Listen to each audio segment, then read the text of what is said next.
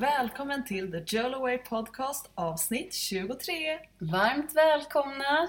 Här sitter jag, Jossan, Och jag Lollo. och eh, vi ska få äran att tillsammans idag presentera dagens gäst. Precis. Och vem är det, Lolo? Dagens gäst är Eva-Lotta Ryd som är certifierad funktionsmedicinsk terapeut, hormonterapeut och andningsinstruktör. Så vi ska alltså dyka in på funktionsterapi.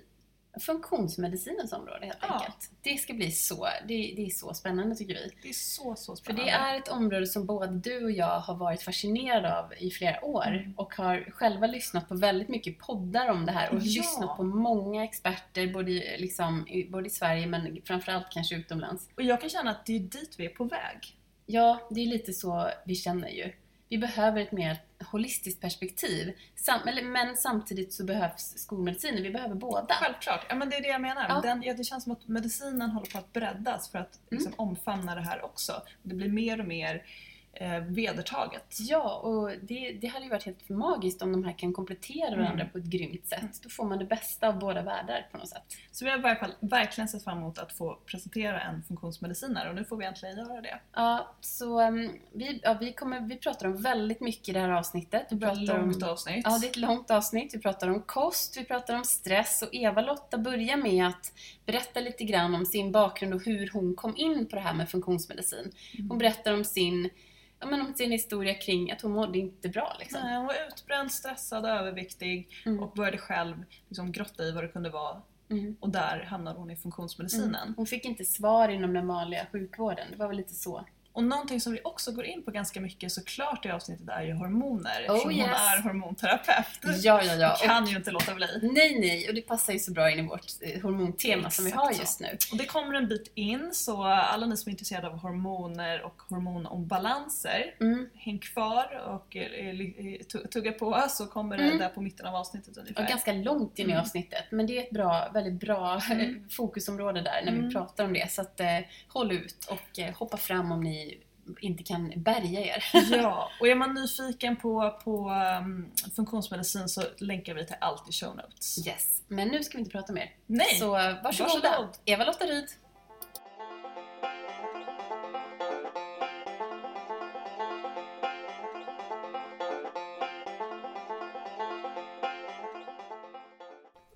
Välkommen till The Jolaway Podcast Eva-Lotta Ryd. Tack så jättemycket. Så roligt att du ville komma och prata med oss. Ja men verkligen, vi är så tacksamma för att du är här. Du har också åkt hela vägen från Linköping. Ja, Så precis. att, eh, vi är så tacksamma, för det är ju något speciellt att sitta i samma rum ändå. Absolut, När jag håller med. pratar. Det är mysigt. Även om det går bra via skärm så är det här Det härligt. går, ja, men det är härligt. Mm. Ja, nej, som sagt, stort tack för att du är här. Mm. Och vi tänkte väl börja lite grann med att, vi tänkte nästan be dig så här, vem är du? Du får börja berätta lite om det. Eh, Jag har ju tidigare jobbat inom medicinteknik för cancerbehandlingar och sjukdomar i hjärnan på ett medicintekniskt företag. Men under den här tiden så lyckades jag göra som många andra. Stressa eh, och eh, ja, gå in i väggen mer eller mindre och drabbas av utmattning. Men just vid den tiden så fanns det inte så jättemycket verktyg. Utmattning är mera ett känt begrepp idag än vad det var då. När, när i ja, tiden var, var det? Det var ungefär runt 2006 någonstans. Ingen kunde förklara mitt mående framför allt. Och då var det ju så här att ja, eh, efter en lång och påfrestande process här så och jag skickades mellan olika experter fram och tillbaka i sjukvården. Så enligt sjukvårdens synvinkel så var jag ju frisk. Jag var ju inom referens, ni Jag tänkte vet. säga att du Ja. var i varje fall inte dödligt sjuk Nej. som skolmedicinen brukar rikta in sig på. Ja. Och det finns ju ett väldigt stort gr- gråzon mellan att vara dödligt sjuk och att vara frisk. Mm. Och Vad var dina symptom? Och hur kände du dig? Det var ju mycket stress och Ja. ångestattacker, panikångest. Eh, Vart kom det ifrån? Kroppen var som en torktumlare. Eh, och även PMS eller lite sådär blödningsstörningar vid den tiden också. Och det kan jag ju bara så konstatera i efterhand nu då. Kan jag göra. Men sen hade jag väl eh, 20 kilos övervikt också. Och det spelade ju i princip ingen roll hur mycket jag tränade. Och jag har ju en bakgrund där jag har tränat mycket. Så du kunde det Ja, där träning? ja, men precis. Men det hände ingenting. Det här med spring mer och ät mindre, det funkar liksom inte. Så vad gjorde du då? Ja, eh, egentligen så hade jag ju en hormonell obalans i grunden. Men jag kände att jag får ju ingen hjälp någonstans. Jag måste börja ta tag i det här på min egen hand. Och vad gör man då? Jo, man börjar ju googla. Ja, börja googla. Det är så man gör. det är så man jobbar helt Ja. enkelt. Ja. Så när jag väl rättade till mina obalanser i kroppen. Obalanser inom sjukvården låter ju kanske väldigt flummigt. Men eh, just i den här världen jag jobbar i nu, funktionsmedicin, så är det, ja, det är en självklarhet Ja. nästan istället. Ja, så när jag rättade till mina obalanser och började må bättre så gick jag ju också ner i vikt med. På, av bara farten. Men var, jag är så nyfiken på, var hittade du då, för du började googla, var någonstans var liksom den första som du kände att oj här, vänta nu, här är det ju någonting som kommer att förändra saker och ting. Mm. Vad var det du googlade fram dig till? Ja, jag googlade fram eh, eh, utbildningar inom kost. Så jag började utbilda mig inom det här och tänkte att nu... Och jag fick jättemycket resultat i min egen kropp och jag kände att det här brann jag för. Så att jag ville hjälpa andra eh, på ett sånt sätt som jag själv önskar att jag hade blivit hjälpt egentligen. På den vägen var det i alla fall. Ja. Men så från kostintresset så kom du också in sen till slut på funktionsmedicin. Ja, precis. Eh, I och med att jag vill ju lära mig mer och mer och mer. Så jag läste till andningsinstruktör till exempel. Sen tyckte jag det här med hormoner var ju spännande. För det finns ju som sagt mycket hormoner och signalsubstanser som påverkar oss. Och det är ju kemiska budbärare i kroppen till alla funktioner, till varenda liten cell. Till varenda liten receptor vi har, ända ner i tarmen. Och de byggs i tarmen också, vissa av dem. Så jag började läsa till hormonterapeut också. Så då körde jag det och sen praktiserade jag det ett år och sen så fördjupade jag mig, gick en fördjupningskurs i det där. Eh, Men sen halkade jag väl in på det här med funktionsmedicin och så hittade jag ju Sveriges första funktionsmedicinska terapeututbildning och tänkte den där måste jag hoppa på direkt. Jag tänker vi skulle hoppa in lite på jämförelsen mellan funktionsmedicin och skolmedicin. Ja. För det tycker vi är så intressant. Och eh, hur det i Sverige är så uppdelat. Mm. Och vad... Hur går dina tankar kring Ja. det? Jag tänker så här att funktionsmedicinen har ju alltid patienten och grundorsaken i fokus.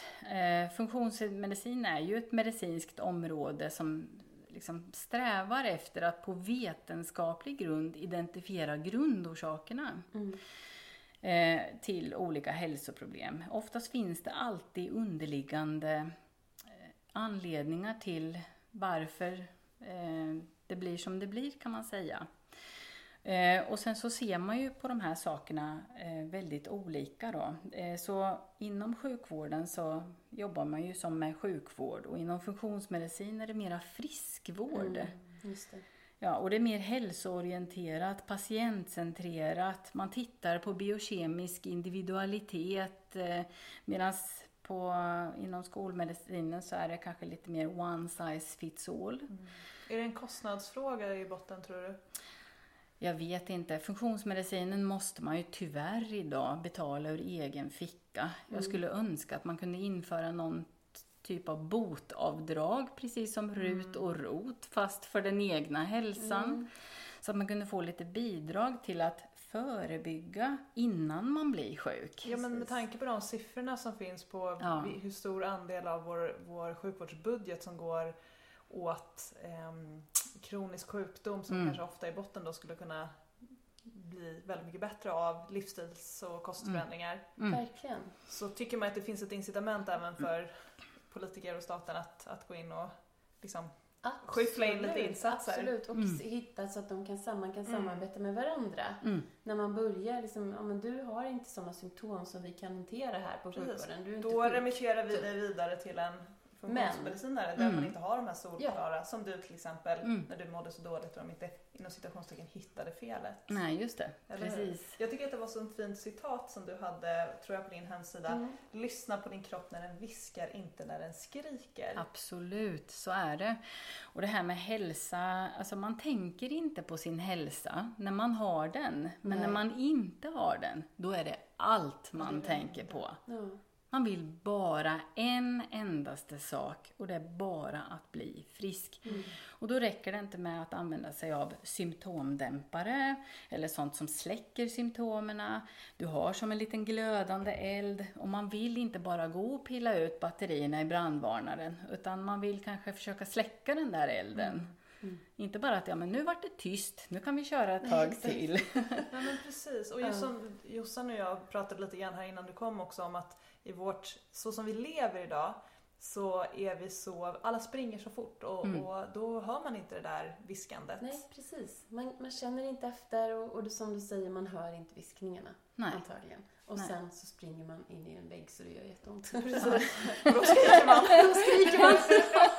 Och då är det, då är det liksom det läget som, då har det kanske gått så långt så att det blir en väldigt mycket längre väg tillbaka i sig många än vad det skulle behöva vara. Precis, det är ju ofta så här att vi vill gärna ha en quick fix. Ja. Vi vill ha ett litet piller som löser alla våra problem. Eller en liten kofta man kan snå om sig för att liksom bara, ja nu är det bra liksom. Eh, men det funkar ju inte riktigt så. Man måste bli kapten på sin egen båt och så måste man ta tag i saker och ting. Och sen är det ju så här, vi är individuella. Vi alla Ja. har inte storlek 38 i skor. Nej. Det funkar inte så riktigt. Så det här med holistiskt och specialiserad då. Mm.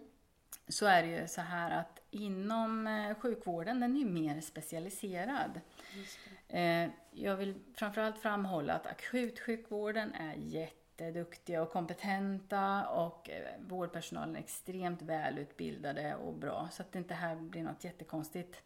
Men däremot så har man delat in kroppen i olika delar. Man har liksom neurologer, kardiologer, det är lungmedicin, gastroenterologer och urologer. Och, eh, ja, man har olika områden. Det finns alltså 68 000 diagnoser. Men ingen behandlar grundorsaken. Utan det är någon form av medicinering eller operation för att släcka symptomen. Så när man pratar om att funktionsmedicinen är mer holistisk, det är ju då att man tittar på hela personen, eh, historiken, hormonell balans, kost och livsstil, mental och känslomässig hälsa. Ja. Eh, även gener, fast kanske lite mer ur någonting som heter epigenetik. Det som är bortom generna. För bara för att man har en gen för en svag länk så är det ju inte säkert att man löser ut den sjukdomen. triggar den, nej. Vad är det som triggar? Mm. Och det är epigenetiken. Så du som inte är dömd för att du har vissa typer av gener. Kan du, kan du märka av ett motstånd hos dina klienter eller patienter just för att det är så komplext och man hellre hade velat ha, att man vill ha en quick fix? För det här är ju lite, det här innebär ju lite arbete för personen som kommer till dig också.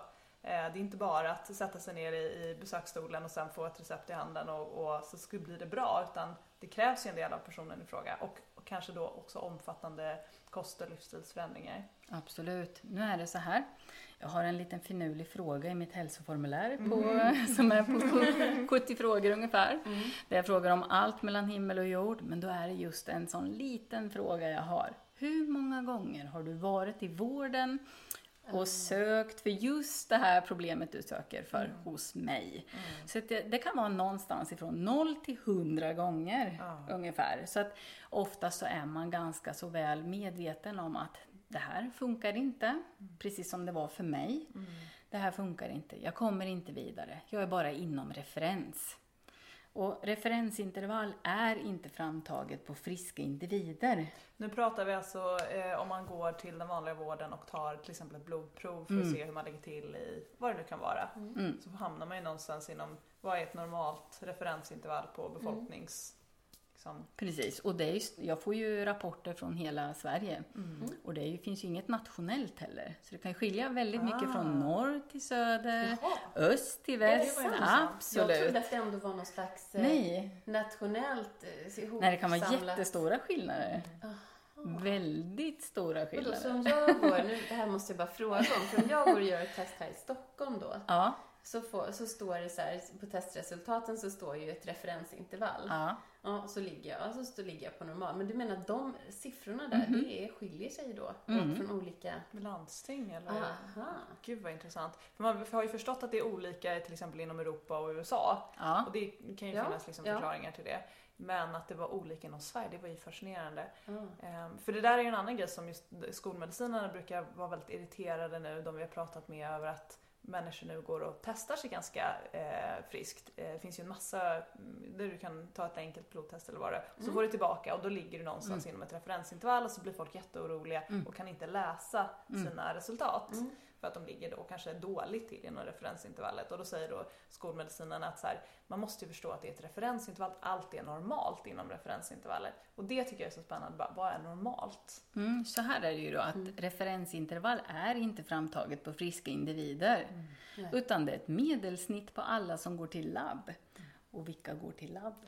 Ja, det kanske inte är de friska, vågar gissa, eller? Så du är medelsjuk om du hamnar mitt i referensintervallet, Ja. kanske? Det är, ju, det är ju helt otroligt egentligen. Ja. Så eh, till exempel kobalamin, B12, Ja. kan skilja sig jättemycket vart någonstans i landet du bor på det här så kallade referensintervallet. Samma med D-vitamin, från Ja. norr till söder. Skiljer sig jättemycket. Ja. För det har ju med att det baseras som ett medelsnitt på alla som går till labb. Mm. Så är det. Så inom funktionsmedicinen, som väl är, Mm. så har vi optimala referensintervall. Mhm. Det handlar inte bara om att ha näsan över vattenytan utan försöka få upp Ja. personen. Man vill ju bara simma och glida runt Eller där uppe. Ja, sola hela fejset. ja men faktiskt, det är Ja. så. Man vill ju leva det bästa livet, inte bara nätt och jämnt. Men, Exakt. men där har vi väl egentligen lite grann kärnan i skillnaden kanske mellan också skolmedicin Mm. och eh, funktionsmedicin. Att skolmedicin är ju på något sätt en samhällsresurs för att se till att folk inte stryker med medan funktionsmedicin handlar ju om att folk ska faktiskt må optimalt. Precis. Mm. Och sen är det ju så här att eh, är man eh, i behov av vård, då ska man uppsöka Mm, sjukvården. Då ska man inte komma till mig. Men då har det kanske liksom gått lite långt redan. Ja, för att Ja. jag ger inte klinisk rådgivning någonstans, utan då hänvisar dem till sjukvården, givetvis. Ja. Så är det ju.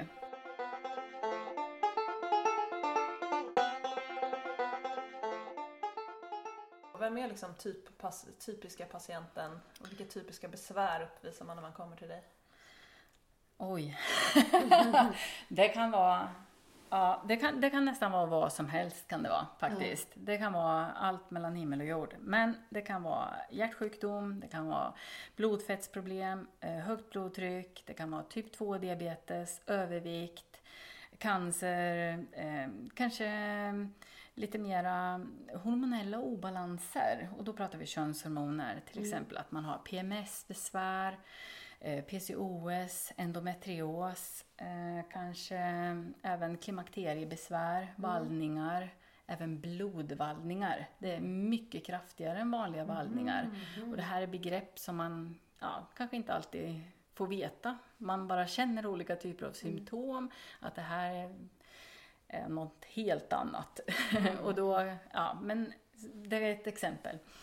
Så det, och det kan vara mag-tarmproblem till exempel. Och ofta så hänger det här ihop lite grann. Eh, Oftast det kommer av man skulle kunna säga att inflammationer och insulinresistens och stress är ihopbakat som ett nav i det här hälsohjulet, skulle jag säga. Så att ofta så är det ju lite, vart har du din svagaste länk? Vad har du mest problem med? Det kan vara sköldkörtelproblem, det kan vara allt möjligt. Men jag måste tillägga, jag har även elitidrottare. Alltså sådana som vill bli lite bättre. Vassare. Optimera. Ja, Mm. de vill optimera sin hälsa. Ja. Så det är inte bara sjuka personer, Nej. utan det är även friska. Ja. Även företagsledare till exempel. Ja, ja. Som, de vill inte ha så mycket sjukdagar, de vill kunna prestera på topp. Eh, Att de tänker även på sin personal kanske, att inte bara ha engagerade medarbetare utan kanske hälsosamma medarbetare. Mm. För när de har det, då får de det andra på köpet. Mm. Precis, Så jag menar där har man ju, Ja. ett företag är ju som ett litet minisamhälle egentligen. Mm. Så skulle man kunna ja. tänka Mm. på samma sätt. Ja. Har du Mm. också allergi och så här födoämnesintoleranser och sånt där? Kollar du på sånt också? Jag har allt. Allt. Allt. Ja. Ja. Och det kan, vara, det kan vara allt möjligt. Det kan vara Mm. vitiligo, att man får fläckar i huden. Det kan Ja. vara alopeci, att man tappar håret Ja. fläckvis eller totalt. Det kan vara olika typer av autoimmuniteter och så givetvis. Och sen bara så allmänna Och sen- diffusa ja, eller hur. liksom. Något, Ja. bara något allmänt. Ja, det kanske vanligaste är väl utmattning generellt. Ja.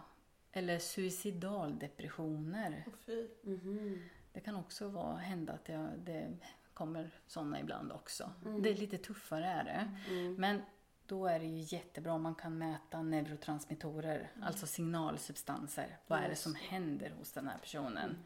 Ja, och det för oss lite in på nästa fråga. att Vad är, vad är det du gör då när du träffar en sån här person för första gången? Är det, hur, för just att det kan vara så diffust och röra sig om så. Mm. Hur hittar du liksom grundorsaken? Eh, ja, för det första så får man ju som eh, försöka kartlägga den här personen. Eh, för det första är det bra om man anmäler sig till mig. Till någonting än ingenting. För jag har inte möjlighet att svara på 100 meddelanden varje dag.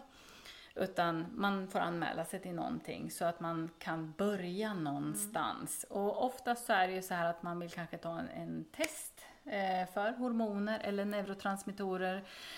Eller om man har svåra mag-tarmproblem eller någonting som kallas för SIBO, att man har en bakterisk påväxt i tarmen. Det kan man mäta med ett utandningsprov till exempel. Mhm. Eh, Så givetvis eh, kost och näring, jag vill gärna ha någon sorts näringsstatus. Kanske att man tar något sånt här blodprov och så får man skicka in då. Men det är jätteviktigt att man har de här eh, bitarna som funktionsmedicinen vill veta. Inte, man, vi letar inte sjukdomar. Därför är vi inte så intresserade av eh, vissa typer av blodvärden som man tar inom sjukvården. Utan vi vill se D-vitamin, magnesium, vi vill se HB, järn och det lagrade järnet, ferritin till exempel. Man, kobalamin, folat, eh, vi vill gärna se sköldkörtelstatus och gärna då T3, T4, TSH, TPO-antikroppar och TR-antikroppar. Vad är det som händer här? Natrium, kalium, hur är det med saltbalansen?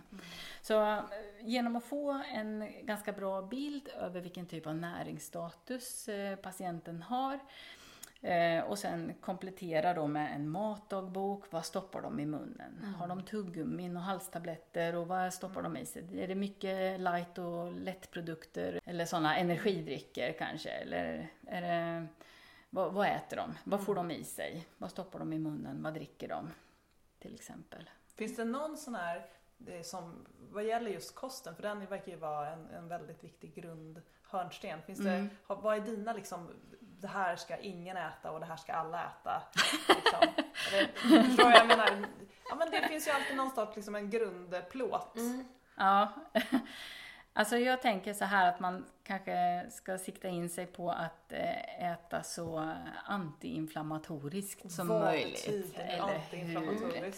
Eller hur? Det här är ju Det komplicerat. här är, så, det här är ett sånt inneord känns det som. Allt ska vara antiinflammatoriskt. Men vad är det egentligen? Ja. Som lyssnar. Om vi tänker så här, någonting som är extremt inflammatoriskt istället då. Mm. Det är ju skräpmat och läsk och även eh, sånt som är väldigt sockerstint då framförallt. Men även eh, fleromättade oljor. Eh, vegetabiliska oljor är väldigt ostabila i våra kroppar. Eh, det finns en del oljor som är eh, väl, ja, de är jätteinflammatoriska. De brukar vi definitivt avråda från helt och fullt. det? Eh, det är ju till exempel sojaolja, majsolja, ehm, eh, Solrosolja kanske? Ja, solrosolja, eh, tistelolja, det kan vara, och framförallt när det bara står Hur är det med mat. sesamolja som är så gott? matolja, Ja, vad är det? Det är Ja. inte ens, är det? Ja, man har inte ens oklart. definierat vad det är för någon olja. Nej, men och palmolja. Det Eh. vill man ju inte ha av andra orsaker också. Men, Palmolja vill man inte ha av andra orsaker, Nej. men vi äter kokosfett. mm, Och det, och det är sam, det är ju mättade ja. fetter ifrån kokos eller Mm. från palm. Alltså, så att, eh, den där är lite svår. Mm. Jag själv skulle inte rekommendera palmolja någonstans. Nej. Och det kanske har av andra skäl att göra. Men, Precis. men ja, Mer klimatskäl kanske? Ja, men kanske klimatskäl helt är andra med skäl. Ja, ja Och- men precis. Men till exempel olivolja är bra. Jag kan tycka att det är helt okej. Helt okej. Ja, sen får man väl tänka det här med oljor i alla former. Mm. Det är ju, krävs ju en viss eh, kemisk process. eh, För att pressa ut de här oljorna måste man ju ha olika typer av maskiner. Mm. Och det hade vi ju inte riktigt på savannen. Va? Nej. Vi, vi kunde ju som inte få ut de här oljorna mer än det vi kunde tugga på då. Mm. Eh, Om vi tuggade på fröer och sånt där. Så att det kommer i ganska höga koncentrerade mängder. Frågan är vad vi har för evolutionär anpassning för det. För det här är så intressant tycker Mm. jag, för då kommer man också in lite på det här med fetterna, för det är fortfarande en, en, ändå en öppen fråga, eh, tycker jag. Och för det finns ju då många som förespråkar, precis som du, att man ska undvika de här oljorna för att de är instabila. Att, men menar du då att det skulle vara bättre att äta smör än att äta olivolja? Till exempel. Ja, Ja. Jag skulle Du nog säga det. Ja, jag, jag vågar nog säga det ja, Det är faktiskt. Det är jätteintressant. intressant. Men Vi sen- har ju Henrik Ennert då, som har skrivit om de blå zonerna Ja. och mycket om tarmfloran. Han älskar ju olivolja. Ja, Han Ja. förespråkar ju mycket olivolja. Precis. Och sen har vi Ann.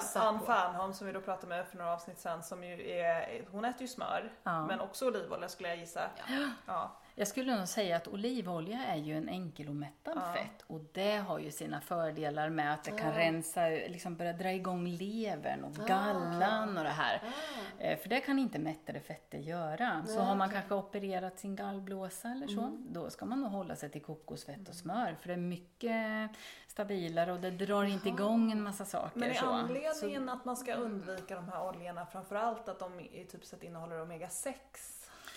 Som är då inflammatoriskt. Ja, precis. Mm. Framförallt då när vi pratar solrosolja, majsolja och de här. Mm. Alltså det är ju, det finns olika kvoter och man skulle kunna säga att den har en omega 3 och 69 gånger mer omega 6 och då blir det extremt proinflammatoriskt. Mm. Men sen ska vi ju inte ha för mycket omega 3 heller. Nej, för det var det jag tänkte komma in på också. För jag vet att Ja. eh, vi eh, lyssnar bland annat eh, ganska mycket på Food Pharmacy och de hade ju gjort en sån här koll på sin ratio Mm. och de hade ju för lite omega-6. Precis. Jaha. För att eh, de då har varit väldigt, kanske lite väl duktiga inom citationstecken Mhm. med sitt omega-3-intag. Okej, vad intressant. Det tyckte jag var så intressant för vi får ju alltid höra att det är så farligt med omega-6 men det vi vill ha är, det är ju Mm. den här perfekta Balans. kvoten. Ja, Jag återigen hade balans. ju också gjort ett sånt Mm. test. Jag hade ju väldigt mycket omega-6 då. Men det måste ju, I tänker jag, vara omega-3. för att vi äter, både du och jag Jossan äter ju väldigt mycket nötter också. Ja. Och frön och nötter. Och då åt inte jag heller något omega-3-tillskott. Nej. Det gör jag ju nu, sen lång tid tillbaka. Men då hade jag inte gjort det. Hur ser du på Vad, tillskott? vad tänkte ni om nötter? Ja, nötter skulle är gilla- ju lite omega 6 i. Ja, exakt. Ja, så det var vi, därför vi ni äter tog det. så väldigt mycket omega- nötter och för Ja, att det är det. gott framförallt. Ja. Ja, ja. Men, men det kan vara därför du hade en mycket Högt högt, omega-6. omega-6. Mm. ja, just det. Tänker vi. okej. Ehm, för det Mm. kanske man just med det Ja, här men antiinflammatorisk kost så ska man ju vara lite försiktig just med frön och nötter och oljor. Vilket Mm. är lite tråkigt Mm. att höra tycker vi för vi tycker att det är så väldigt gott. Jag vet. Men ska vi fortsätta på den antiinflammatoriska Ja. kosten och ta några, några mer exempel vad det är för någonting? Mm, att man kanske tar bort eh, mycket spannmål, Mm. tänker jag. Det här med vitt mjöl och... Är det gluten Ja, jag tänker nog gluten, men framförallt även stärkelse och att det är extremt mycket snabba kolhydrater och det här ger ju ett högt blodsocker. Och när vi får svängningar i blodsockret, då när blodsockret stiger, då frisätts ju insulin till exempel för att eh, sänka blodsockret. Och det är ju nycklarna in i cellen kan man säga. Och när det här sjunker, då kommer det ju fyra stopphormoner underifrån för att rädda oss. Och det är ju kortisol, adrenalin, du har glukagon och noradrenalin till exempel som kommer och skjuter upp dig underifrån så då behöver man egentligen inte äta en enda kolhydrat och kan ändå höja blodsockret. Mm. Det är då vi får så här när blodsockret sjunker, då får vi ju ett eh, påslag. Eh, Då man kan bli lite darrig. lite darrig, blek, yrsel, eh, skakningar. Du kan eh, framförallt få humörsvängningar. Mm. Och, eh, Det är därifrån uttrycket bitchbanan kommer. ja, just det. Ja. Eh, Så att eh, då kan man ju få kraftiga humörsvängningar och ilska framförallt. Och ilska drar ju igång adrenalinet och då höjs blodsockret. Finns det något man ska äta som är bra, som är antiinflammatoriskt? Typiskt jag tänker bara gurkmeja direkt. Mm. Så pratar ju alla om att man ska äta mycket gurkmeja. Vi var inne på de sakerna man inte ska äta. Mm. Eh, och där finns det kanske massa mer i och för Ja, sig. det finns ju extremt mycket gör det ju. ju ex- balj, baljväxter brukar folk säga är, Ja. är lite svårt Det är ju med. väldigt mycket, alltså okej det finns vissa fördelar kanske i Mm. vissa lägen och det är ju att det innehåller kanske resistent stärkelse men det gör det i potatismjöl också. Eh, som kan vara bra för eh, bakterierna i tarmen. Det är alltså mat till våra kompisar i magen kan man säga. Men sen har du ju det här att det blir ganska mycket kolhydrater, du har antinutrienter i, eh, så kallade fytater eller fytinsyra. Och de dränerar dig istället på mineraler, magnesium, zink och annat som du behöver mycket av. Eh, sen beror det ju på vilka typer av baljväxter, om det är sojabönor kanske, då har du ju ytterligare ett litet element av fytoöstrogener. Fyto betyder växt och då har du växtöstrogener som du tillsätter. Så ja, det kan ju påverka den hormonella balansen. Mm. Så Tycker, eh, är, är ja. fytoöstrogener någonting man ska vara försiktig med tycker du?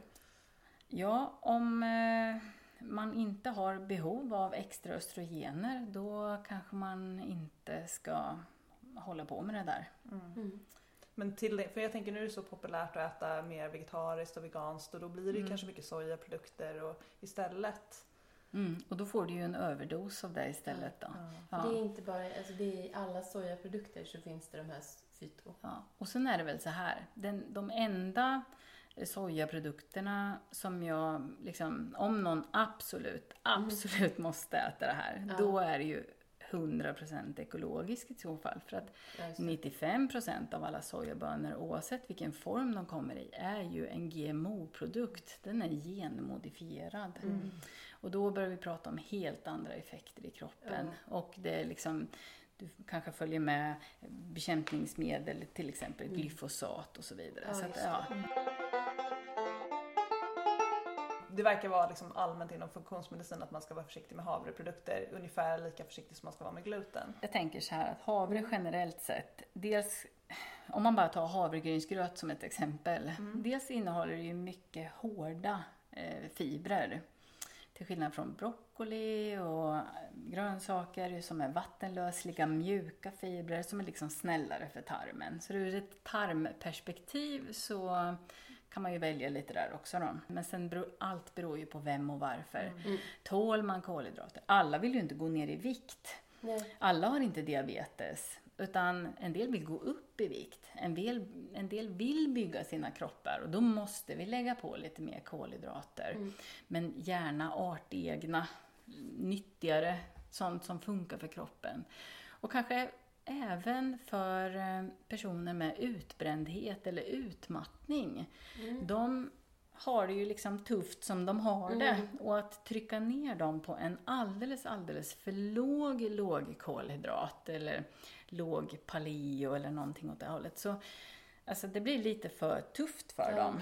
Utan de kan behöva ha det här lite extra för Mm. att stärka sina hormoner istället, tänker jag. Mm.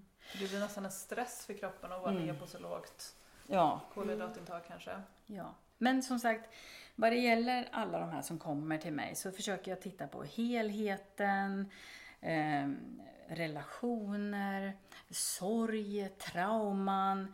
Har de rotfyllningar eller har de tänderna fulla med amalgam? Och, alltså man tittar på träning och rörelse, sömn och avslappning eller stress eller sådana saker. Man tittar på hela individen Mm. eh, vad det gäller det här holistiska synsättet. när vi tittar funktionsmedicin. Så då är det inte bara, jag tar inte från dig dina nötter. Det är Utan bra. det kan vara något annat kanske istället som vi behöver titta på, som kanske är lite viktigare. Mm. Men brukar det vara då att du kanske rekommenderar dina patienter eller klienter att gå i terapi eller kan det vara Mm. lösningen snarare än att skippa havremjölken? Ja, absolut. Ja. Absolut. Det har hänt att jag rekommenderar någon sorts KBT eller Ja. absolut att man går vidare och att man tar hjälp av flera terapeuter. Jag kan inte hjälpa till kanske med precis allting. Jag försöker ha ett helhetsperspektiv och hjälpa till i många frågor. Men eh, ibland måste man ta hjälp av andra typer av experter också.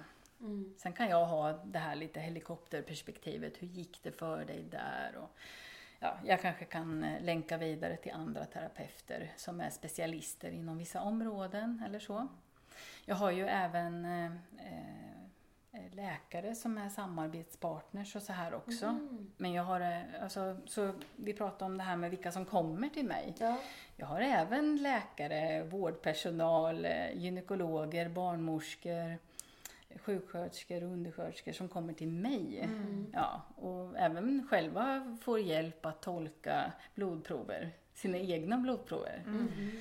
Eller sin egen hormonella hälsa Mm. till exempel. För att de tycker det är fascinerande med det här med funktionsmedicinen. Numera så finns det ju då eh, utbildningar för vårdpersonal också. Just det. Och det heter ju eh, fmvu.se. Det är ju funktionsmedicinska vårdutbildningar står ju där för. Så det är även för vårdpersonal. Så det här är vetenskapligt, det är inget flum, det är inget så kallat alternativ. Utan det här är kanske framtidens sjukvård.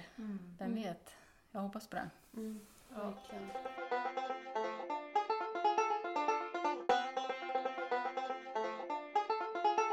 Vi kanske ska hoppa in lite på hormoner. ja. Ska vi göra det? Mm, absolut. För du är ju hormonterapeut Också. också. Mhm.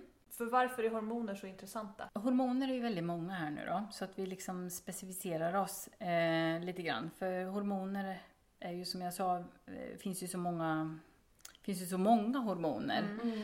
Och det här är ju kemiska budbärare som kommunicerar med olika delar av kroppen. Eh, men om man tänker sig kanske mm, könshormoner lite mera. Det är väl kanske det man tänker när man pratar om kvinnohälsa eller manhälsa. Mm.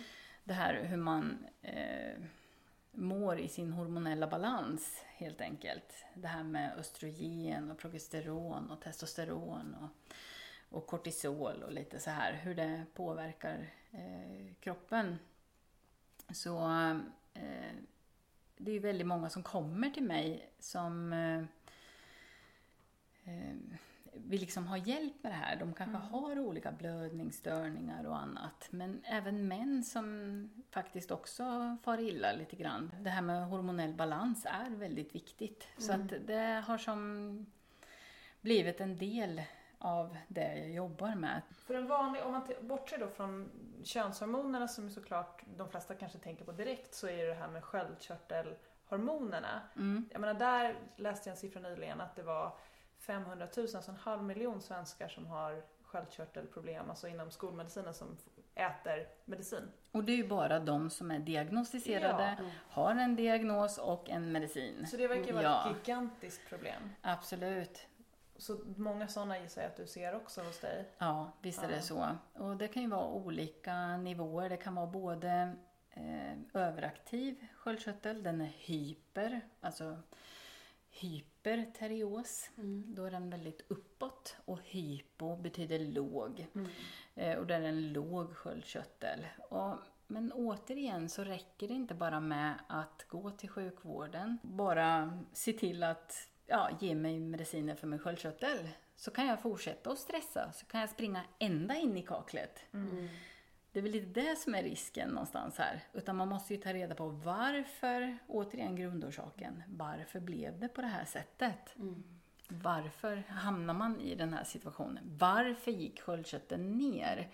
Och en av de viktigaste sakerna som till och med står på det här sköldkörtelläkemedlet i FASS är att man måste utröna hur binjurarna mår. Och varför då? Det här med utmattning. För annars om man börjar medicinera en sköldkörtel och du är en slutkörd person, ja men då kan man ju som gå sönder helt. Det är jättespännande. För att jag tror att 80% av de som har problem med sköldkörteln är kvinnor. Mm, Och då tänker jag direkt att det har med våra, också med våra kvinnliga könshormoner att göra. absolut. Hur hänger det ihop? För det är, det är olika, inom igen, skolmedicinen är det olika personer som tittar på olika saker. Absolut, så är det ju då. Jättebra fråga. Eh, det här med sköldkörteln hänger ihop på så vis i någonting som heter OAT-axeln. OAT står ju för ovaries, äggstockar. Eh, Thyroid är ju eh, sköldkörtel. Och adrenal, så du har ju det här OAT-förkortningen igen. Tänka på den sen ska, Nej, ska det bli. det. Vi släpper det. OAT. Vi släpper det. OAT. OAT-axeln i alla fall. Yes. Och de här kommunicerar ju med varandra och det är ju så här att den, binjurarna, en slutkörd kropp, binjurarna, vill inte ha en hög om ämnesomsättning, sköldkörtel, eller graviditet, äggstockar. Så det kan vara binjurarna som signalerar till äggstockarna att up, up, up, up, up, no kids. Nej, Vi ska springa precis. som tigrarna. Mm. Ja, du springer från en tiger, det är inte läge att ligga då liksom. Nej. Nej. och bära på en bebis i magen. Exakt. liksom. Exakt. Det, ja. Och för att jag menar, då kanske man i sjukvården får hjälp mot sin svaga sköldkörtel Mhm. men man egentligen behöver behandla grundproblemet stress som Ja. påverkar binjurarna och annars kommer binjurarna fortsätta prata med sköldkörteln Mhm. fast sköldkörteln är upptagen med att få något läkemedel. Precis, och då är det väl lite så här att det löser ju heller aldrig grundorsaken och det kan ju vara att du har en dålig ägglossning för att eh, när du ägglossar, alltså när ägget kläcks, då blir det äggskal kan vi säga. Och det här äggskalet är vårt gulkroppshormon som kallas progesteron. Och det här progesteronet är även byggmaterial till kortisolet. Så när man inte ägglossar ordentligt, då får som bara binjurarna bränsle. Alltså kortisolet kan bara byggas från det progesteronet som kommer ifrån binjurarna enbart. Så det finns som inte riktigt tillräckligt med bränsle. Och varför det är så här, ja det kan ju bero på en mängd olika saker. Att man inte får i sig tillräckligt med byggmaterial för kroppen eh, näringsbrister, stress, ja ni vet.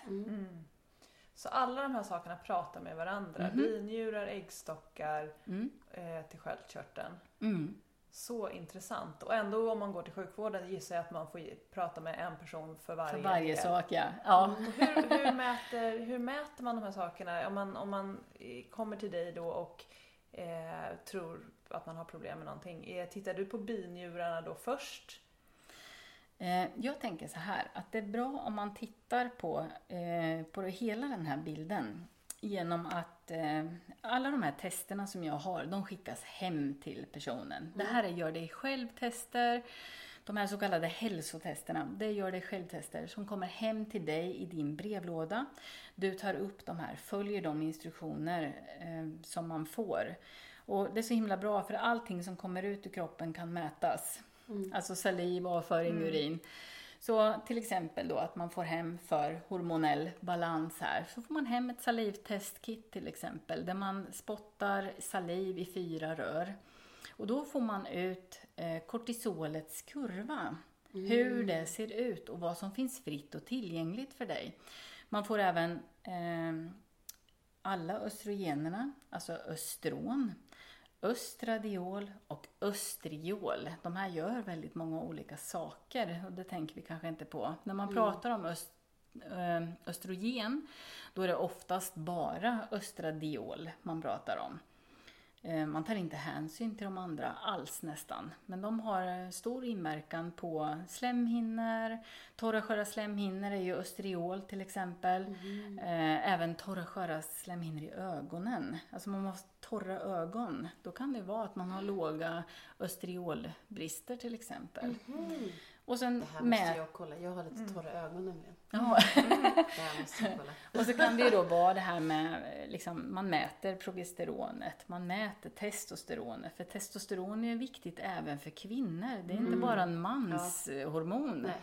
Utan det hänger ihop med hjärt-kärlsjukdom eller hjärthälsa, eh, driv, drivkraft, sexlust, eh, benskörhet. Det här är väldigt viktiga faktorer. Så då mäter man i alla fall allt det här och även DOI till exempel. Och så får man en, en ganska bra bild över hur den här patienten faktiskt mår. För det är väldigt vanligt att man kanske har mätt sitt kortisol i blod och så ser värdet jättebra. Ni vet de här referenserna va? Ja. Ja, och sen så tittar vi i saliv. Då kan det vara så himla lågt så att jag frågar dem, men hörde du, kommer du ens upp på morgonen? Och då börjar de nästan gråta. Det är ingen som tror på mig. och då måste man ju titta lite, varför är de här binjurarna trötta? Alltså de är ju inte trötta som organ så, Nej. men de bara får ingen signal för att Nej, kroppen försöker ju få dig att vila. Ja, men hon lyssnar inte. Nu sänker vi henne. För du pratar ju du om det som man kallar för binjurutmattning, Ja. eller hur? Ja. Och vad är det som har hänt då egentligen? Eh, Ja, alltså det är ju då när man har stressat under lång tid. Och stress är ju så många saker. Det finns ju både inre stress, yttre stress, allt ifrån att du ska skynda, skynda till eh, du har dålig ekonomi. Eh, Men går det att mäta hur utmattade dina binjur är? Är det det man tittar man ja, på man kortisolet tittar då? hur mycket fritt kortisol du Ja. har tillgång till. Och har man Och låga man- nivåer, ja. är det då ett tecken på att de är då trötta? Ja, eller ja precis. Då är de väldigt trötta.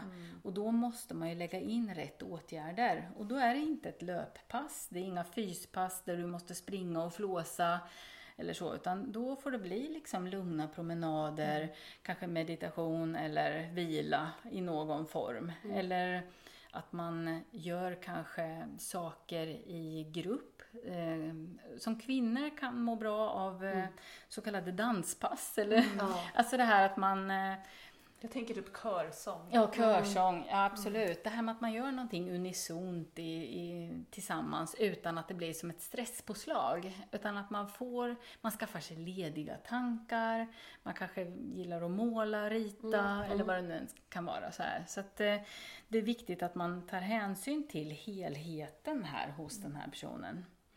Och vad är det som har utlöst hela den här utmattningen? Sprang de rakt in i väggen eller var det att de skulle vara duktiga? Man ska vara lite duktig flicka-syndrom, man ska prestera, man ska ha många bollar i luften och till sist går man sönder. Man är inte riktigt utrustad med den storleken på sköldkörtel som en man har. En man klarar oftast mycket mer stress än vad en kvinna gör. Och är det här tror jag en del, kan det vara en del av förklaringen till att just kvinnor är så drabbade av utbrändhet? Ja, sen, Förutom hela vårt samhällsupplägg. Ja, sen finns det ju en sak till och det är ju att kvinnor oftast nästan från dag ett att man får sin menscykel, då ska den förtryckas Ja. med p-piller eller andra hormonstörande ämnen. Och då får man som inte riktigt igång sin cykel heller. Är det någonting som du ser ofta att folk som har ätit och typiskt sett p-piller från liksom tonåren och sen många år senare får problem med, problem med hormonerna Ja, alltså, på grund av tidigare...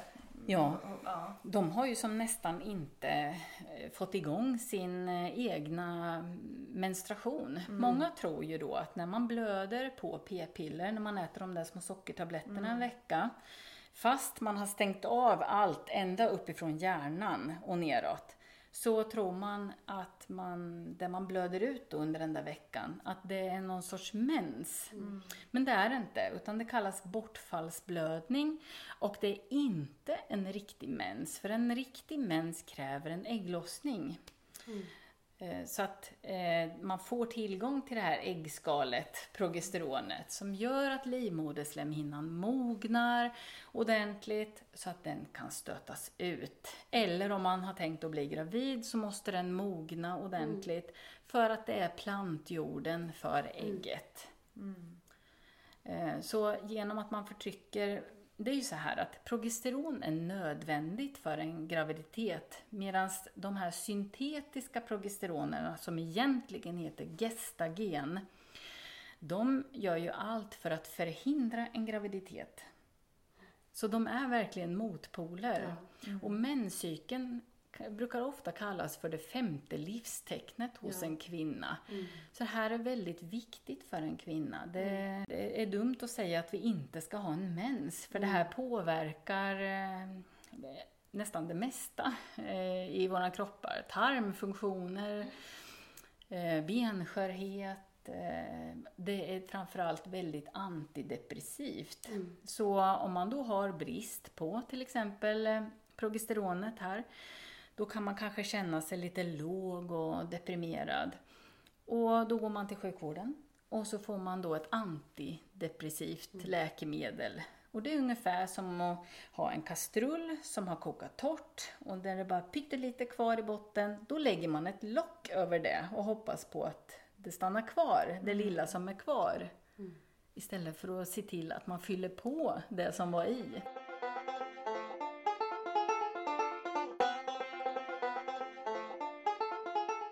Så vad gör du med den här patienten? Vad är din, vad, vad förskriver du? För det är inte eh, ett lock.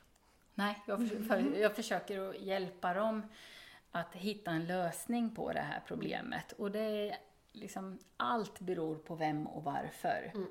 En del som har eh, ett större behov av de här läkemedlen, det gör jag faktiskt ingenting. För det, om man har till exempel en så allvarlig depression som en suicidal depression och du är på väg att ställa dig framför ett tåg, ja men då får du äta vad du vill. Det skiter jag i. Utan då får du göra precis hur du vill. På med locket! På med locket och så kör. Och så får man liksom boosta upp den här personen så gott det går och stärka upp runt Ja, omkring, miljön runt omkring. För att sen kanske kunna lyfta det här locket. Mm. Just det. Så att eh, allt beror på vem och varför. Men en del får ju det bara slentrianmässigt. De har ju inte ens tagit ett blodprov. Eller eh, salivprov eller urinprov. Man mäter eh, neurotransmittorer i urin till exempel. Och då kan man ju mäta hur mycket serotonin man har. Ja. För serotonin är ju våran må bra-signalsubstans. Och om den är låg, ja men då kommer det påverka vårt mående som i sin tur dränerar våra hormoner. Så att, och får vi inte tillgång till serotonin, då kan vi inte bygga melatonin som är vårt sömnhormon. Och då sover vi ju lite sämre. Och när kortisolkurvan ser så där utmattad ut, ja men det brukar ofta spegla en melatoninkurva. För det är alltid bra att lägga till melatonin till exempel i de här testerna. Det räcker att man kanske tar kväll eller någonting. Men då ser man ofta hur det här hänger ihop. Det, speglar varandra ganska bra faktiskt. Så har man lågt kortisol så kan det hända att man sover lite dåligt också. Och då får man dålig sömn, då får man dålig återhämtning. Och bästa hormonreparationen är ju mellan klockan 10 på kvällen till 2 på natten. Mm. Och det här är extremt viktigt. Att Eh, sova då. Ja, precis. Och framförallt att kunna gå ner ordentligt i djupsömn. För då får man det här utbytet i det så kallade glymfsystemet som sitter i hjärnan. Alltså det är lymfvätskan som eh, byts ut kan man säga. För ventriklarna trycks ihop när du går in i djupsömn. Och sen så släpper det här och så får du in nytt. Det är då man känner sig sådär utvilad och skön. Och eh, tar man till exempel sömntabletter, då hamnar man ju som eh, över det här. Man går inte riktigt ner på det här djupet. Eh, sen kan man ju förstå, var sak har sin plats. Så är det ju. One size does not fit all. Men det här är så intressant för jag tycker jag hör väldigt många i min närhet och jag själv när jag jobbade på advokatbyrå så här, för massa år sedan har haft väldigt mycket sömnproblem. Mm. Eh, och jag tycker jag hör så många som har väldigt mycket problem att sova. Mm. Vad, vad skulle rekommenderas deras första steg? Vad ska man försöka tänka på? Jag tänker så här, så fort någon har lågt progesteron, för Ja. ofta hänger det ihop med stress, att man kanske har eh, fått en rubbad eh, eh, binjurefunktion eller att man ja, på något sätt, eh, man har inte tillräckligt med byggmaterial Mm. för sömnen helt enkelt. Då, är ju, då måste man ju titta lite på vad är det för någonting man äter till exempel. Eh, Så om vi tar serotonin som ett bra exempel här, för att kunna bygga melatonin så du ska kunna sova, då krävs till exempel ett protein som heter tryptofan. Och tryptofan bygger någonting som heter 5-HTP, det låter jättekonstigt, men så heter den i alla fall. Ja. Ja. Eh, och sen bygger den serotonin som bygger melatonin. Så jag menar, det gäller, och den här tryptofan, om man nu är eh, vegetarisk eller vegan så, då ingår inte det här som ett essentiellt eh, protein. Nej. Och inte heller tyrosin. Och tyrosin bygger ju sköldkörtel, även dopamin som är vårt uppiggande, aktivitetshöjande signalsubstans. Så då får inte den byggmaterial heller, för den räknas inte heller som essentiell. Nej. För den finns inte i vegetabilier. Nej, okej. Nej. Så att eh, då har, saknar vi byggmaterial helt enkelt där. Så då, om, beroende på vilken kosthållning man har kanske man inte får i sig tillräckligt med byggmaterial. Sen har det ju med återhämtning, vila, att liksom hamna rätt i det här systemet. Att inte ha den här eh, belastningen hela tiden i kroppen. Men sen är det ju så här att eh, det är väldigt vanligt att man ska, man ska duga, man ska räcka till, man ska vara till för alla andra också. Man ska hjälpa alla andra. Man finns inte där riktigt för sig själv. Jag skulle önska att fler sa nej till saker de vill göra för att kunna säga ja till sånt som de allra, allra helst vill göra. Så att man har en liten skala där i. Va? Det här med att ställa upp för andra hela tiden. Man kanske har föräldrar i livet som behöver mycket liksom, omvårdnad eller något annat. Eller små barn. Eller, man, man ska vara liksom, till för alla andra hela tiden. Så man har så väldigt lite egen tid för återhämtning. Och jag tror det här är jätteviktigt. För det går kanske att, man, givetvis ska man ju fylla på näringsämnen så mycket man kan i alla de här formerna, helst så naturligt som möjligt. Sen kanske man måste ta hjälp av kosttillskott som du kom in på här förut. Eh, Och då måste man ju ha någonting som är liksom lite ordentligt så det händer någonting. Annars så händer det ju ingenting i princip. Och då märker man inga resultat och då blir man besviken för det. Och så blir det som en ond spiral då. Men eh, det här med progesteronet igen. Har man brist på progesteron så kan det också påverka hur man sover. Så jag vet de som tar progesterontillskott eller kanske en vildjamskräm till exempel. Då sover de oftast väldigt, väldigt bra på det. Gör de. Och tar man för mycket, vad händer då? Jo, då blir man kanske jättetrött istället redan från morgonen. Ja. Och det är det jag ser ofta. Det här med att man gärna vill kanske... Man tycker att ah, det här var jättebra kräm, det här var kanonbra. Man får tips i grupper, på olika grupper. Eh, som pepparen, ja men det är jättebra, ta mer, smörj mer, använd högre dos. Eh, och så kanske någon som tycker, ja men jag mår inte så bra, ja men ta, smörj ännu mer. Och det är det här jag ser också, Ja, för det är medaljens baksida. Att när man tar de här testerna så ser man om någon smörjer alldeles för mycket. Till exempel. Så jag hade en eh, klient som hade ett värde på progesteronet på över 24 000. Och när man supplementerar så är det ett värde mellan 400 till 4 000. Alltså hon låg 20 000 över eh, referensintervall. Ja, men verkligen så här lite självmedicinera inte. Utan, Självmedicinera Nej. inte. Testa, Ja. inte gissa. Det är ett av de viktigaste sakerna tycker jag. Ja.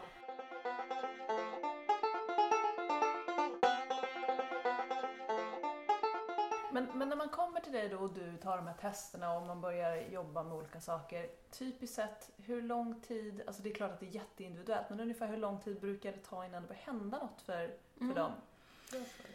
Ja, för det första så tar det ju en liten stund. Man måste ha lite tålamod. Eh, dels för att eh, man ska skicka tester. Sen ska testen eh, till labbet. Sen ska labbet analysera. Deras läkare ska göra ett utlåtande. Jag får resultatet. Och när jag har allting från dig, kanske foton. Jag brukar begära att få foton på ansikte och foton på naglar. För man kan göra någonting som heter funktionsdiagnostik. Alltså att man tittar i ansiktet efter olika saker. Eh, rodnader, akne, tunna ögonbryn, mörka, mörka under, mörkt under ögonen. Eh, naglarna kan man titta efter fläckar och ränder och kanske även de här lunula som är eh, såna här vita halvmånar till exempel. Hur många sådana har man på varje Ska man ha hand? såna? Ja, helst. eh, för det eh, är hur mycket har jag proteiner ju man nag- har då. nagellack på mig så jag ser inte dem. Gud vad intressant. Alltså- jag sitter och tittar Det är på mina. Jo men, jag har ju det på, ja, på två här. Tre, tre fingrar på den. Där är någon liten svagis där. Ja, du kan ju se. Ja, jag tänker så här att du ska ha minst fyra av fem på varje hand och gärna synliga jättemycket Ja. så. Ja, men Ja, men det var bara Då var när jag får att se in- om man såg det. Ja men precis. Ja, precis. Och då tittar jag ju på det. Jag tittar på foton, naglar, jag tittar på matdagboken, jag tittar på mitt hälsoformulär som jag har så. Och sen så har vi den här labbrapporten. Och då kontaktar jag ku- kunden. Så går vi igenom allt det här och sen pratar vi mycket också. Så jag har en ganska klar bild redan före vi träffas. Jag spenderar ju ungefär kanske minst fyra timmar per eh, person. Så. Jag lägger ju många timmar på att analysera labbrapporten och allt material jag fått, eller blodprov eller sånt som jag fått också. För att skapa mig en bild vad just dina behov är. Sen har man ju fått precisera i det här hälsoformuläret så har man ju fått skriva vilka som är dina tre viktigaste mål. Du kanske vill det ena och någon annan kanske vill något annat. Och någon vill få mer energi, någon vill ha en fungerande mage, någon vill bli gravid, eh, någon vill bli, eh, optimera sin hälsa för de är elitidrottare eller något annat. Eh, någon vill gå ner i vikt. Det finns väldigt många, någon vill minska medicinering av något slag. Det finns väldigt många olika hälsomål man har själv. Ja. Och då tar jag hänsyn till det och utgår ifrån det de vill. Och utifrån det jag ser och vad som man kan göra. När blir de friska då? Ja, alltså... Det är ju inte alltid man kanske blir det. Det beror på lite hur länge man har varit sjuk. Om man varit sjuk i jätte, jätte, jättemånga år, eh, då kan det ju ta jättemånga år eller månader innan man kanske når det resultat. Alltså det här att kunna må sitt allra bästa utifrån de egna förutsättningarna. Vi kan ju oftast få personer att må bättre. Men eh, ja, ja, men det beror på lite på personen, vad det är och vad det handlar om. Man kanske inte kan gå ner hur mycket i vikt som helst på ingen tid alls, som ett exempel. Mm. Ja, Ett- förstås. Ja. Men du att man tar det. Med, du visade ju oss lite sådana där du hade gjort, liksom, där man kunde Mm. se Mm. eh, skillnad på hormoner. Du, du har tagit då tester, salivprover på hormonerna och sen efter sex månader tagit det igen. Ja, Det tyckte jag var intressant för då på sex månader så har det kunnat ändå visa väldigt Absolut. stora effekter. Absolut, och det är ju jättebra att man tar en test. Sen gör man eh, lite åtgärder utifrån det man ser. Att man kanske tar bort sånt som stör på något sätt. Eh, stör hormoner eller ja, kost eller något annat. Då. då hade jag några exempel där bland annat att man hade väldigt, väldigt höga östrogener. Och sen så gjorde vi som så att vi tog bort sådana tillsatta östrogener och sen lite olika typer av rekommendationer. Stressreducering, kanske minska socker. Eh, det var många olika saker som vi tittade på. Eh, Speciell kost. ja, kanske kostförändringar också. Mm. Eh, och eh, sen gjorde vi en omtest efter sex månader och då såg man att värdena var ju helt kanonbra. Och det där har jag ju som flera sådana typer av exempel på. Eller sådana som har smörjt med sådana här krämer utan att testa och sen kommer de till mig och testar och har Alltså, de går rakt genom taket med sina värden och de mår inte bra. Och de har diffusa symptom kanske. Eh, och sen tar vi bort sådana här saker och anpassar kost, eh, gör lite kostförändringar, kanske livsstilsförändringar, lite andningsövningar och lite annat då. Så rätt kost, rätt dosering framförallt, rätt andning och annat. Då kan man få också jättebra resultat på bara några månader. Sen kan man ju ha haft till exempel tarmproblem kanske i 20 år eller mer. Och i och med att man kanske ändrar kosten och tarmslemhinnans celler byts ut var tredje dag, då kan man få jättesnabba resultat. Extremt snabba resultat. Så då kan det gå på loppet av några veckor bara sådär att de märker förändringar som de aldrig trodde att de kunde få. Så det är ju helt underbart att få de här resultaten. Det är ju fantastiskt att det kan gå, gå så snabbt också. Ja, Så allt beror ju på lite vilken typ av problematik Ja, man klart. har, vart man kommer ifrån och vad man har för mål.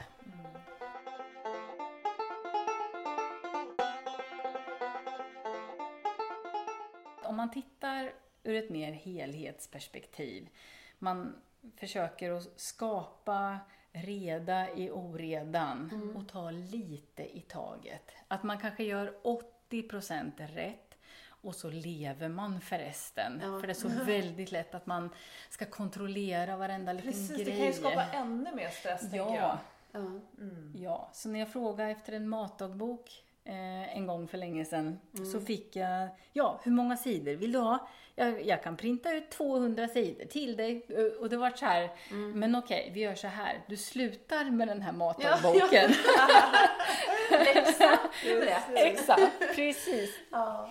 Det var precis det som var läxan. Och bara Mm. det gjorde att hon mådde bättre. Ja. Vad Men som sagt, det finns så många olika saker i, i det här. Eh, Mm. och det är liksom problem med sina tänder, man måste ändå kunna tugga maten. Mm. Annars funkar ju, alltså problemet kan ju börja redan där. Mm. Liksom matsmältningssystemet eh, påverkas. Hur tar du upp din mat? Hur funkar din tarm? Mm. Och din mage? Kan du bryta ner proteinerna som kommer eller vad händer? Vi ska ta och börja eh, sno ihop säcken alldeles strax. Men jag tycker en av de frågorna som vi ska ta innan vi tar våra all, alltid avslutande frågor det är men vad är det som driver dig? För du har ju din egen historia av hur du kom in men att du fortsätter jobba med det här och, och hjälpa människor. Ja, eller hur?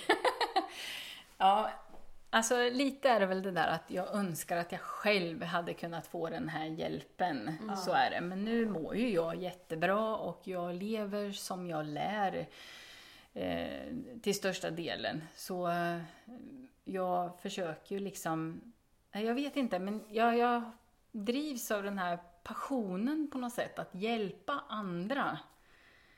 Jag tror det är det som är en av de här grundpelarna. Jag, jag kan en del av lösningarna, jag ser lösningen på ett problem.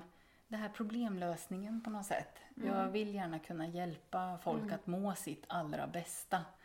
Och det är väl det då. Och på hjälp, med hjälp av eh, tester och kanske lite mer på ett vetenskapligt plan eh, hjälpa till eh, på ett säkert sätt. Det känns eh, bra för mig tycker jag. Nu börjar komma in på våra tre slutfrågor som vi alltid frågar alla våra gäster. Och en av dem är, vad är dina tre bästa tips på ett hälsosamt och lyckligt liv? Och det kan, du kan säga tre eller fem. Mm. Jag tänker så här, för det första att man ska bli ägare av sin egen hälsa, tänker jag. Och stärka sitt immunsystem, att låta maten vara en del av medicinen. Att inte försöka hitta ett litet, eh, en liten quick fix med något litet piller eller en liten snuttefilt sådär. Utan faktiskt kanske bli kapten på sin egen båt. Eh, det tänker jag. Sen tänker jag också att man kanske ska se till att stressreducera.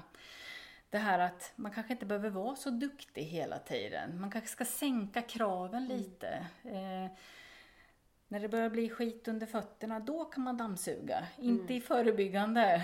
Ja, men ni vet, så här, att det kanske inte gör någonting. Så där, att man kanske tar hjälp av andra med. Eh, det här att sova ordentligt och så här är ju viktigt för återhämtningen. För stress är inte farligt i sig, utan det är bristen på återhämtning som är det själva farliga det här. Mm. Eh, en annan sak, det är ju det här att läka emotionella sår. Mm. Det känner jag som en viktig sak i det hela. Vi alla drabbas av sorg, man förlorar någon anhörig eller nära eller ett djur eh, på något sätt. Det, döden är en del av livet, sen eh, påverkas vi olika. Trauman i form av eh, trafikolyckor, eh, övergrepp, våld.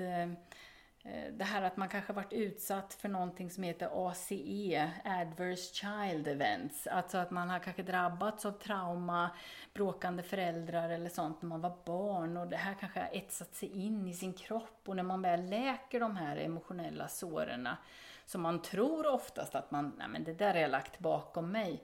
Så när man börjar vrida och vända på de här så kommer de här emotionella, de emotionella såren upp till ytan och blir lika aktiva som de var då. Och då har man inte riktigt läkt dem. Mm. Så att, att läka emotionella sår är väldigt viktigt, tänker jag. Det sätter sig i kroppen annars. Mm. Sen är det ju de här klassiska, rör på dig lite. Men jag tänker så här, var lite ute i naturen, jorda dig lite grann. Att göra saker som ger mer energi än det tar. Alltså inte hålla på med eh, sånt som dränerar din energi, utan se till att skaffa dig lediga tankar, fyll på energi. Eh, Det är väl några av de sakerna. Sen är det det här med kosten, inflammationsdrivande mat, att skaffa sig hormonell balans eh, generellt. Det är väl de viktigaste råden Gud, som jag kan ge. Eh, jag tänkte också fråga, vi har också en fråga som vi ställer till alla om du har någon förebild. Ja, det finns väldigt många förebilder eh, inom mitt område skulle jag säga. Eh, en läkare som jag imponeras av ganska mycket som har tagit tag i en mängd olika saker från ingenstans här nu och verkligen syns och hörs mycket som jag gillar verkligen bra. Det är han Dr. Asim Malhotra. Han är en kardiolog som har skrivit en bok om eh, antiinflammatorisk kost till exempel och att han försöker ändra dietary guidelines i eh, England till exempel. Eh, ja, han är en favorit faktiskt. Och sen så har vi ju då de här inom funktionsmedicinen.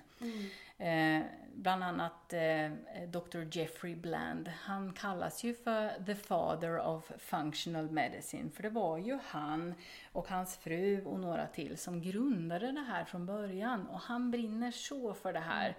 Ja, men det finns väldigt många. En som jag tycker man ändå kan lyfta lite sådär, det är en läkare Hon heter eh, Dr. Keisha Evers och hon har gjort en bok om just det här med ACE, Adverse Child Events, Physical Abuse och massa andra intressanta saker i det här.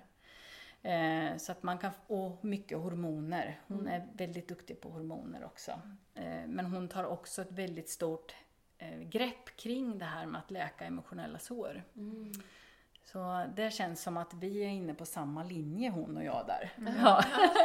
Vi länkar till de här Vi länkar precis. Mm, i våra show notes. Och vi Tack en- så jättemycket. Ja, verkligen. tack. Vi har en tredje sista fråga som vi också brukar ställa som, som handlar om att ja, vi är väldigt tacksamma till alla er och dig som gör det här fina arbetet och hjälper så många. Och då undrar vi, vad kan vi göra och vad kan lyssnarna göra för att hjälpa dig i ditt arbete och liksom mm, pass it forward? Ja, just det.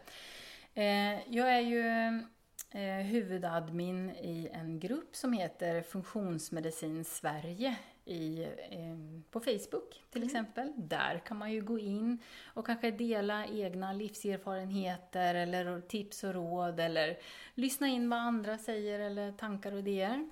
Eh, sen om det är någon som vill ha hjälp av mig så finns ju jag på funktionsmed.se. Och vi länkar naturligtvis till alla dina Ja. Så det bästa är att gå in via sidan och där kan man läsa, det finns en flik om hormonhälsa Eh, eller hälsotester man vill ta, eller vem jag är. Och Mm. min fullständiga utbildning inom det här området. Eh, Jag har försökt att spesa så mycket jag kan så att eh, man får en Mm. känsla. Och även vad andra klienter tycker Mm. eller andra typer av recensioner. Är jag något bra eller inte? Till exempel. Och jag gissar på att du kan ge rådgivning via liksom alla möjliga mm, Teams och Skype och Mm. Zoom och hela faderittan nu så man behöver inte åka till Linköping. Nej, jag tar faktiskt inte emot några Nej. klienter fysiskt. Jag har inga fysiska möten. Och inte före Corona heller. Nej, Nej. Nej. Men då är du väl rustad för den här. Verkligen. absolut. Ja, supertack. Är Ja. det någonting du känner att du vill tillägga innan vi avslutar? Nej, Jag vill bara tacka er för att jag fick komma eh, och det här var jättespännande tycker jag. Och jag vill tacka alla lyssnare som lyssnar och jag hoppas att vi ses någon gång för jag har ju även föreläsningar Ja, och man kan boka mig som föreläsare Mm. eller utbildare eh, Mm. inom olika saker. Så att, eh, ja, jag hoppas vi ses någon gång. Ja, och vi kanske får ha tillbaka Jag dig tänkte i säga vi podden. lyssnar Ja. gärna Jag har så många frågor kvar. Ja, vi har inte tagit alla frågor. Så att, eh, om vi får så träffar vi dig väldigt gärna igen såklart. Ja. För det här var ett fantastiskt samtal. Mm. Tusen tack för att du kom hit. Ja, är tack så så jättemycket glada. och jag kommer gärna tillbaka. Ja, Tack. Tack.